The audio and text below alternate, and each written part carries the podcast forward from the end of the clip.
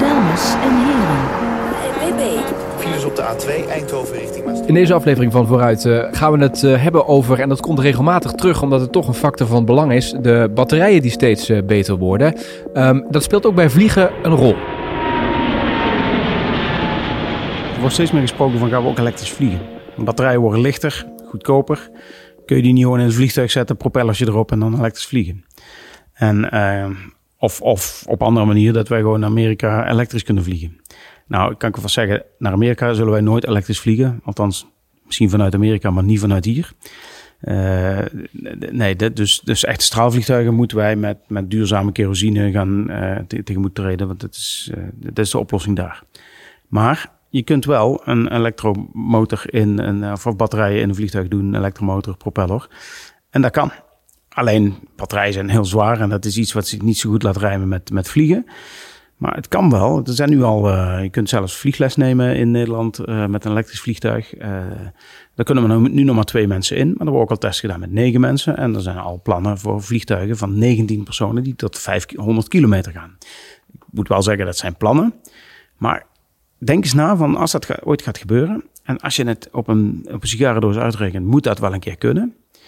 Met wat verdere batterijontwikkeling. maar als jij met 19 personen uh, 500 kilometer kunt vliegen en misschien iets verder, ja, dan, dan zou je wel eens een enorme boost krijgen van een nieuw soort mobiliteit met elektrische vliegtuigen. Want dat is eigenlijk waar we het over hebben. Bij auto's is het vaak het bestaande vervoerssysteem verbeteren ja. met die uh, batterijen. En bij vliegtuigen of in de luchtvaart heb je Klopt. het over het ontwikkelen van iets totaal nieuws. Ja, het gaat hier nadrukkelijk niet eigenlijk om het vervangen van vliegtuigen op dit moment.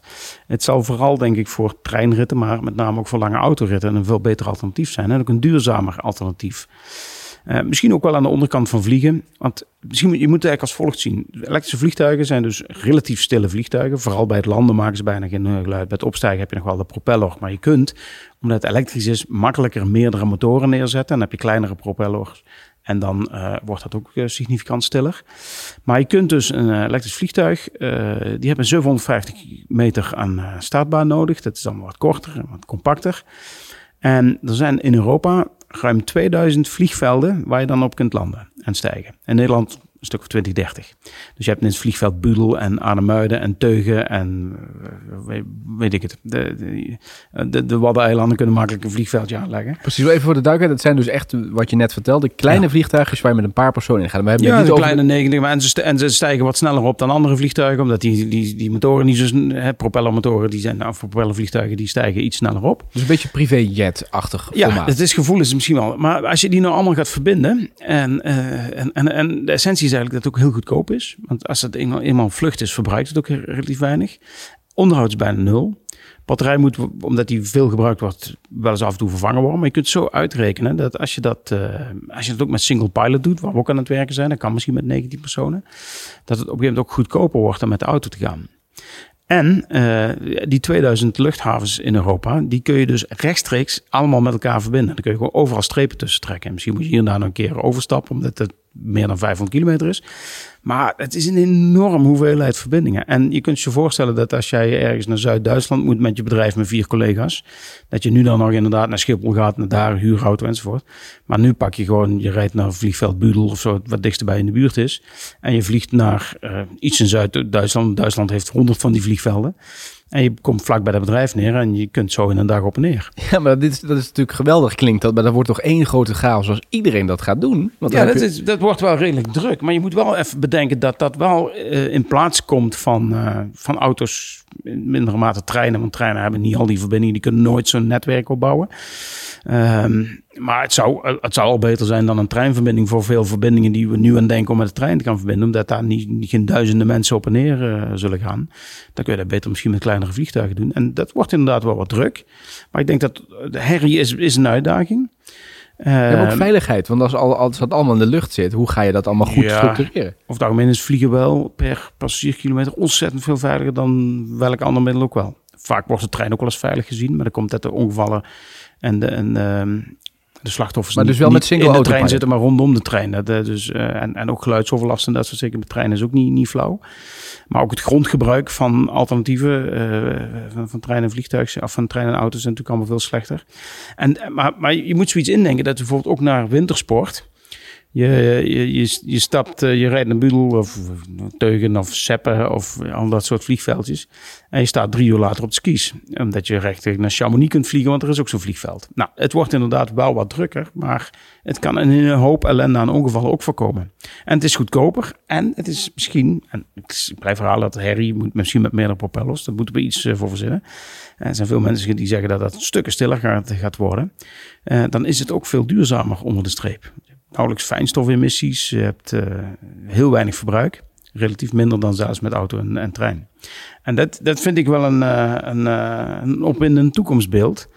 Waar, waar wat best wel eens hard zou kunnen gaan. Oké, okay, dus eigenlijk, want nu zit het vliegen vooral in het verdomme hoekje. Want het is, hè, zeker door corona, het is natuurlijk slecht voor het klimaat. Maar ja. als ik dit hoor, dan wordt vliegen eigenlijk opnieuw uitgevonden. Het wordt een hele andere beleving, want je gaat in kleinere vliegtuigjes met de familie of met zakenrelaties ja. op pad. Ja, en zeker als dat daar nog, dan, dan, dan misschien gaan dan, sommige mensen zeggen dat gaat naar 50 uh, toe, ja, dan zeker als je vliegtuigen van 50 hebt die elektrisch kunnen vliegen. Bijvoorbeeld Noorwegen zegt dat vanuit 2040. Noorwegen heeft natuurlijk heel veel luchtverkeer, omdat dat uh, die, uh, allemaal ver weg is en veel bergen. Dus er ligt ook geen, uh, geen alternatieve infrastructuur.